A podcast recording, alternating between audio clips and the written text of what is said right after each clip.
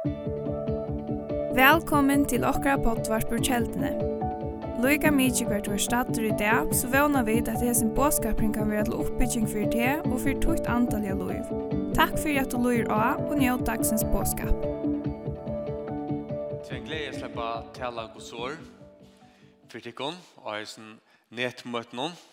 De fleste av dere er støtt og stedet her i landet noen men det er eisen folk som er stått ærestene i Danmark og kanskje Amerika og omkring er kanskje og omkring kipet av Hamstens høvån så vi drøkker ut i Atlan heim og hese møten så det er ordentlig stått litt og godt å kunne bruke moderne tøkne til å bo godsår. Jeg tykker at det som båtskapen som er fra Tosa ut morgen, han er fra Guds hjärsta og at han får virkelig at uh, skapa et nytt dirve i, i okra løyve. Ikke til at jeg ber båtskapen fram, men tog at det er en båtskap som kommer fra Guds livande åre. Jeg får ta seg om god som er avbrøytande og trofaster. Til andre løgnet at det er en nekk som brøytest. Omstøver brøytast, Vi skifter brøytast.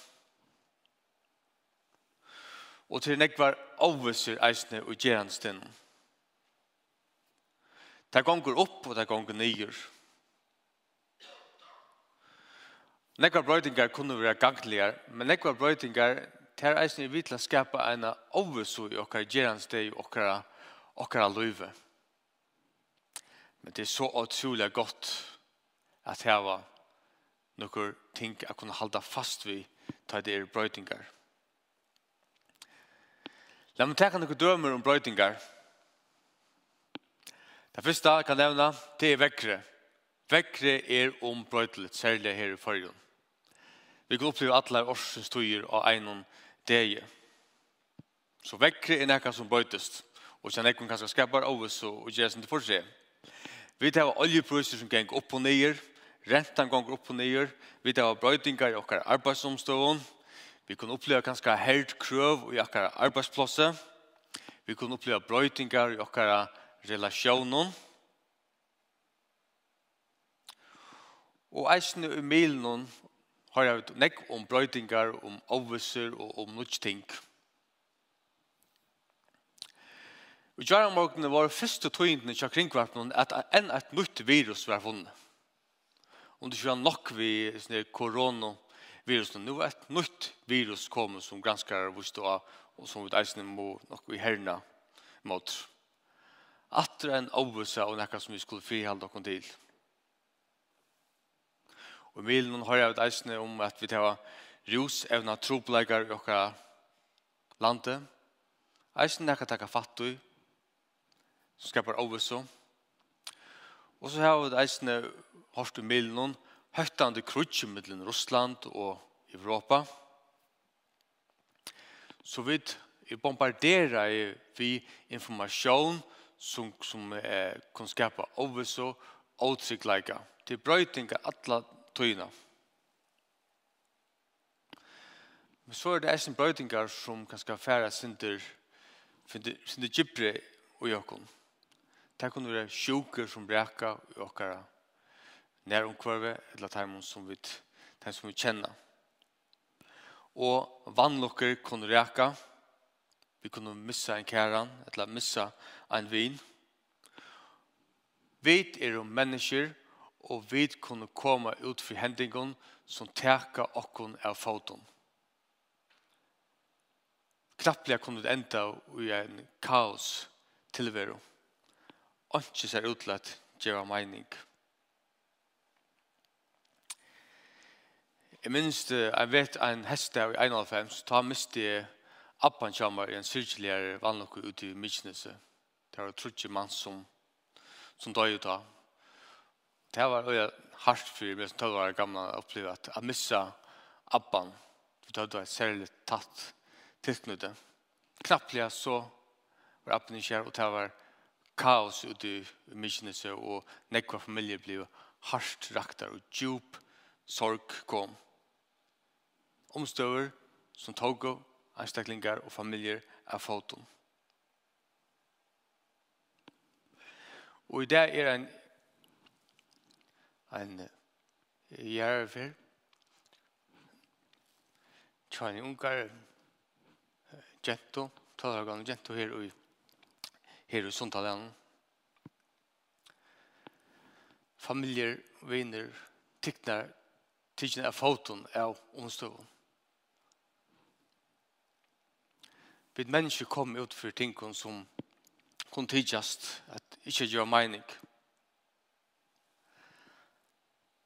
Kaos stikker iver här som ganska glej och frier rådde.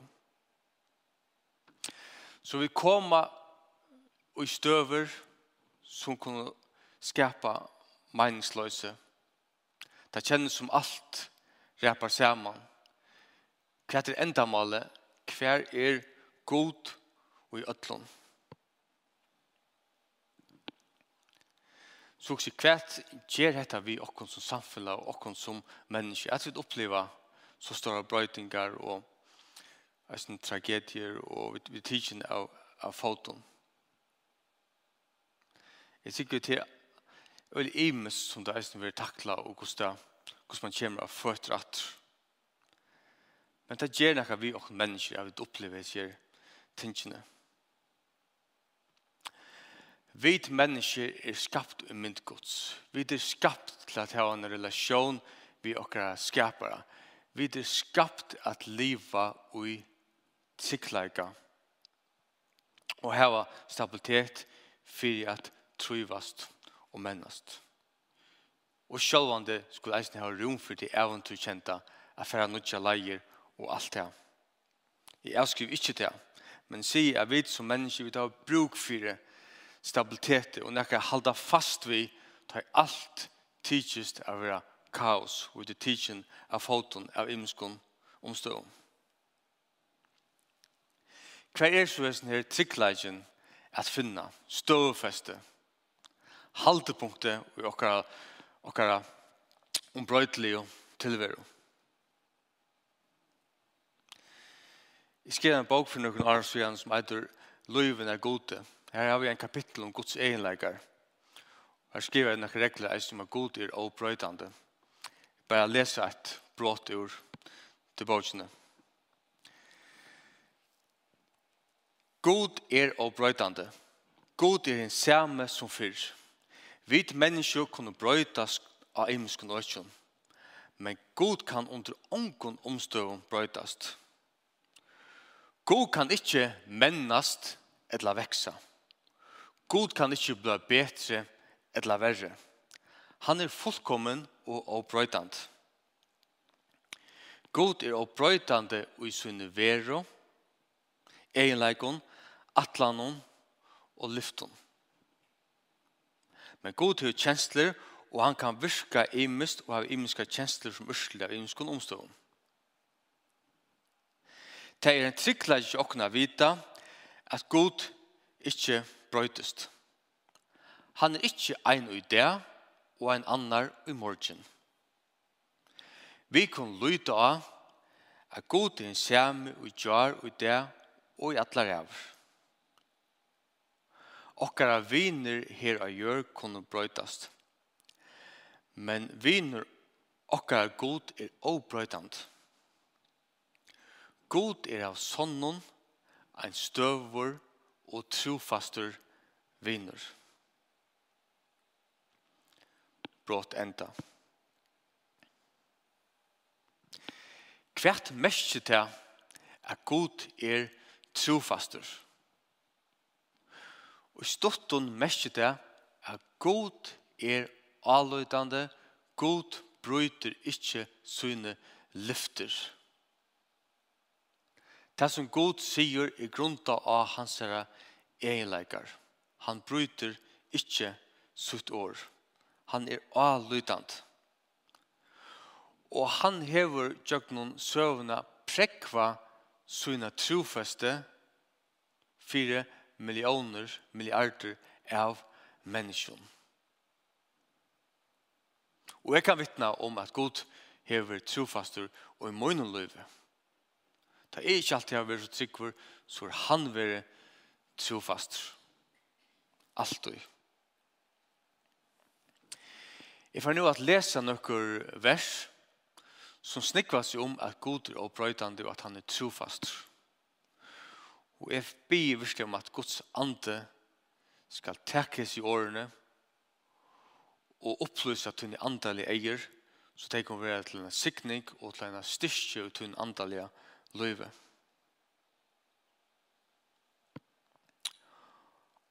Arjen testa fyrsta bråte, så får jeg løye med at citera et sera kjent bråt fra kyrkjefeiren Augustinus. Han sier i årene, «Tu skapt okkon til tøyn, og okkar hjarta er kvildarlest inntil da finner kvild tjatær. Vi er skapt til hans og okkar hjarta er i kvilt er lest inntil da finner kvilt til honom. Så god kallar okken inn til sutt hjärsta, inn til sånne trofeste, og han ikke at vi skal liva saman vi honom.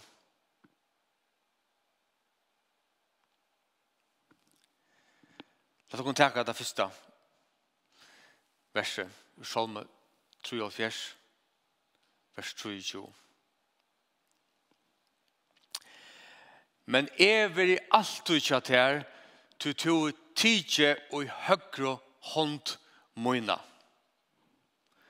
Hoksa der, at God sier evig alt du kjatt her og mer, og at God himmelsens, han som skapt te og mer, skapt himmelgjør, at han teker og i hånd okkara. Til en hånd som ikke slepper. God er trofastur.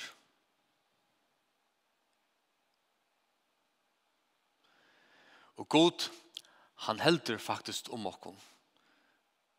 Vi som Guds folk, eller Guds bød, vi er han som feir. Og han ønsker at tek om okken. Men han ikke ikke bare teke om okken som høyre hånden til, han ikke at teke om først et menneske som er født. God ønsker at teke om alle mennesker. Salm 135. At han er fra og framanifra, to helter tvers om meg, to legger håndtøyna av meg. God feg, god skapar, som ikke at teka om okkon og halt om okkom. Hva er det? Det er Guds nerver. Det du teker med et annet menneske, så kjenner du hitan for en øren menneske, og du kan eisne føle hjertet til henne menneske, og benka at hun hjertet.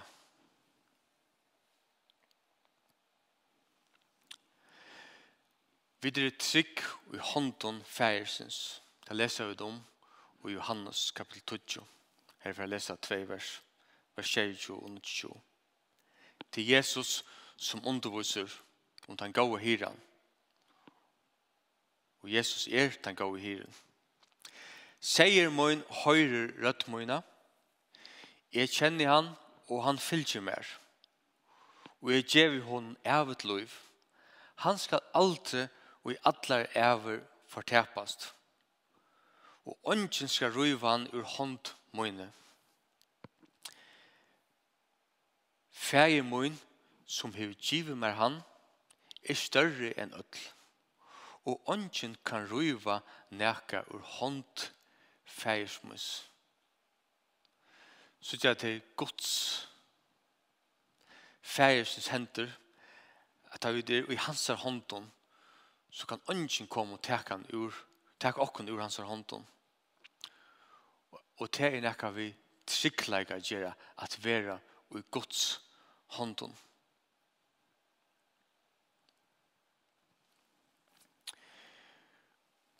Guds trofaste er stor. Og stendur i staurar ansøk til menneskjans otroskap. Og sætna Timotheus er brev, kapitel 2, vers 13, lesa vi til etter vers, som er gjer okkur öllum eh, nekka at hugsa om. Her stendur, er vi åtrygg, ver han verande tryggvor, tog av nokta, seg sjolvan, kan han ikkje. så kjalt hever Guds troskaper og menneskjans åtroskaper sett mot hver nøren. Menneske er åtrykk. Vi måtte gå til, og vi måtte åtrykk mot hver nøren. Men han vil ta verande tryggvor. Ikke bare at han vær tryggvor, men at han er tryggvor og alltid fer at være tryggvor og avløydant. Guds lyfter svitje ikkje. Det er grunda av Guds egenleikar. Og ein tujande egenleik er at Gud er trofast. Et anna år om troskap Guds. Her stender, 4 grunn 1.90. Trofastur er god, som tid var kattla vi til samfella, vi sån hansara, Jesus Kristus, Herra okkara. Så trofast er god. Vi var kattla vi til samfunnet vi sån hans Jesus Kristus, Herra okkara. Og det er jøgnet Jesus er vi der oppleva Guds troskap. Vi tar vi suttja Jesus, så suttja vi god. Og tar vi lesa om lov Jesus er, så vær han tryggvor til ångast han nøkker avbending om at han ikke helt sunne lyfter og at han ikke helt år. Han var fullkommen og helt alltid år. Et annet lydgjørende år, ur Salm 6.32. Herre, nøye tog røkker til himmels og trofaste tog til skudgjene. Trofaste gods til skudgjene. Bare mynd på gosse stor skudgjene trofaste Gud ser.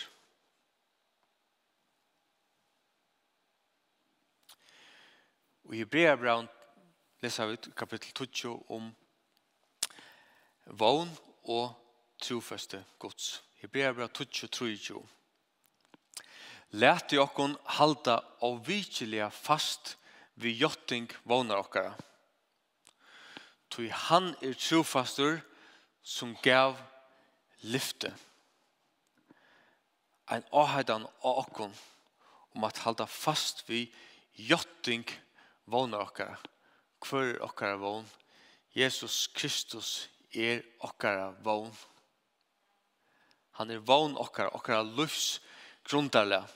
Nekka støvot og personligt at bytja av nekka som ikkje brøydest, ikkje som, som skiftest alt etter hvordan vindaner blæsa. Nekka Men vi skal halda fast ved seg.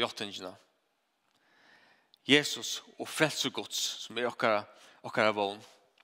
Kvoi, tog han er trofastur som gav lyfte. God er trofastur. Han som gav lyfte om frelse og oppreist. Han heldur år. Tog kunne vi dirve jotta okkara, okkara vogn, okkara kristne vogn.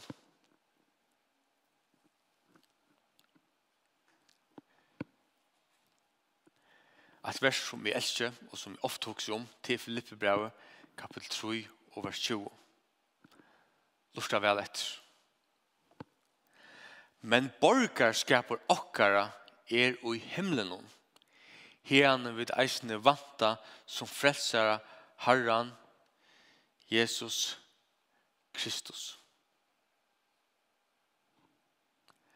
Borgarskaper okkara er i himmelen Ta vi er født av nutjon, så kommer vi inn i et rujtje. Vi får nutjon borgarskap, og vi høyre til et avskjønnligt, men verligt rujtje. Det er Guds rujtje, det er himmelen.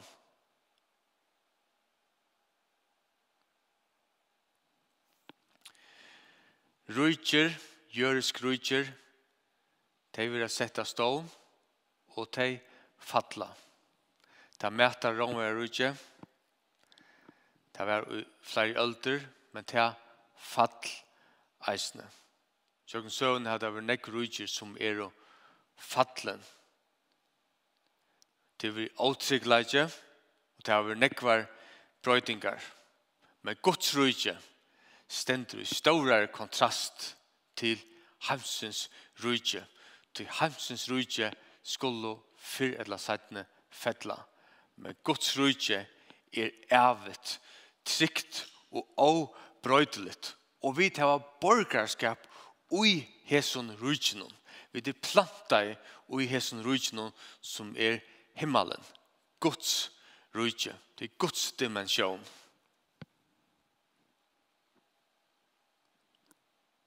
Det er et rujtje som ikke kan ristast som ikke kan brøytast. Og så leser vi dem i Hebrea Brown kapitel 12 og vers 28.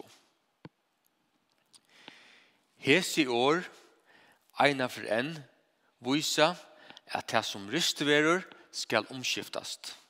Vi tar at det er skapt, for at det som ikke vil ryst skal være verand.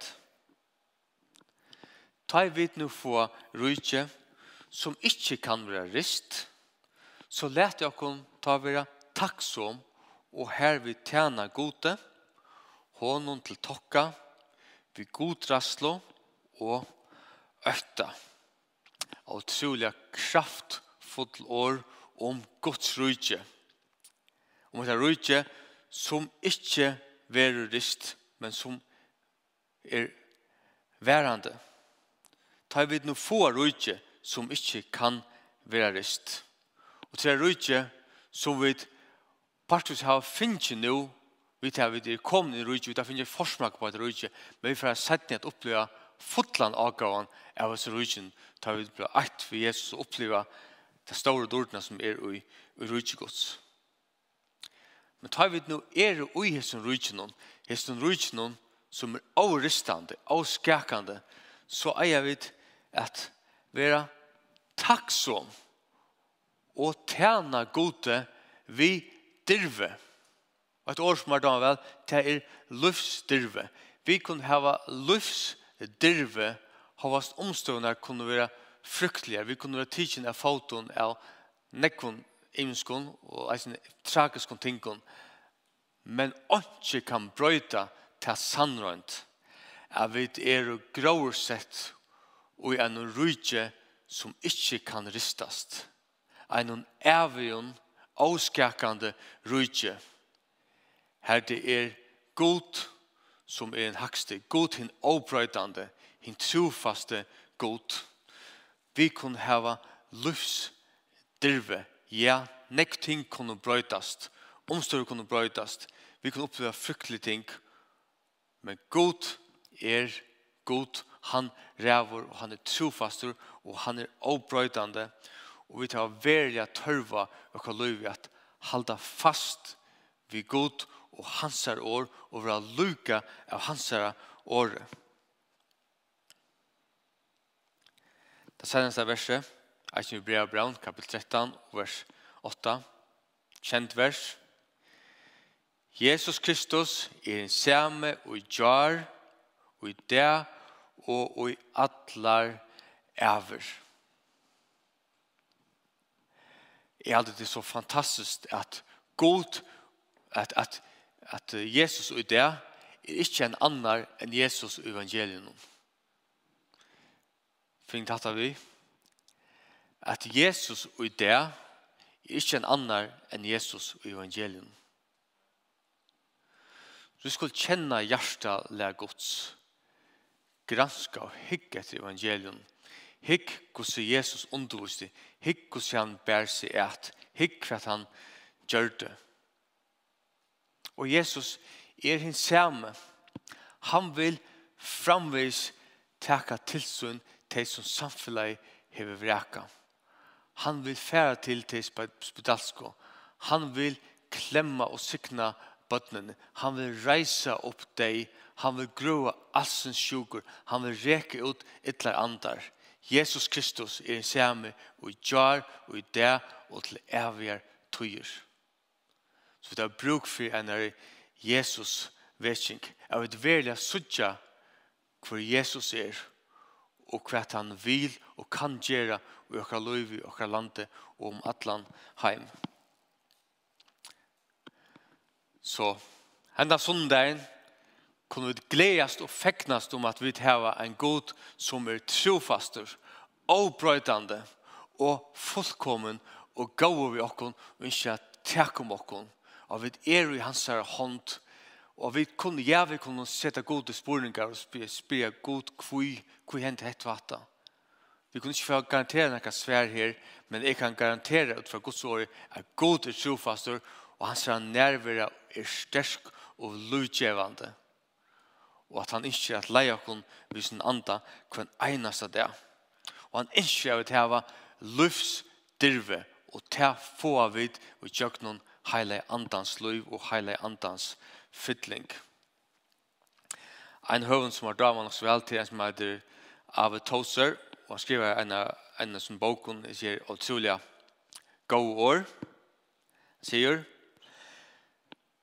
Allar framtidar vannar tja mannatne kunde bli brottar om vi öll hadde tro at vi byggva under vinalion skutjon og at himmelsens god hovast opphevjaur i kraft og hatig så innelega vil vera viner okkara.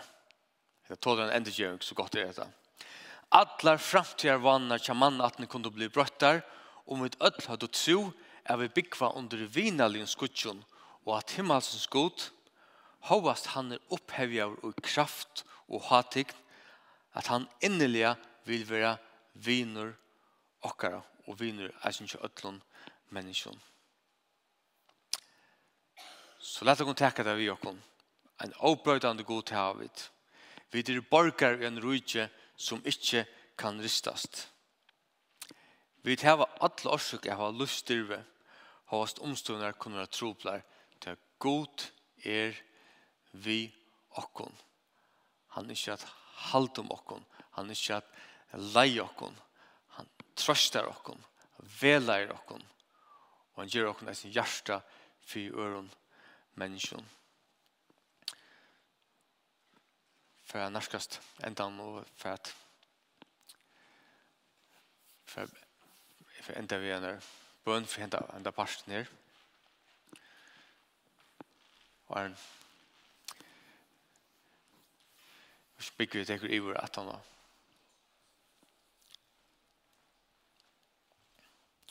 Herre, vi pryser deg og takker deg for ditt år. Takk for at du elskar oss og du er tjåk oss. Takk for at du er trøster. Du er avbrøytande og du er trofast og god. Du er vinner okkara og vi er i håndtøyne, trygg. Takk for at du er til anda, leir okken, Tan ratta veien. Be for timen som loja, som ikke har finnet fri i hjertet, som ikke kjenner Jesus som sin personlige frelsere. Be om at du er til en anda, samfør om synd, rattvise og dom. Så at mennesker i stoven, ute i haven, hver det så er å kunne oppleve frelsene.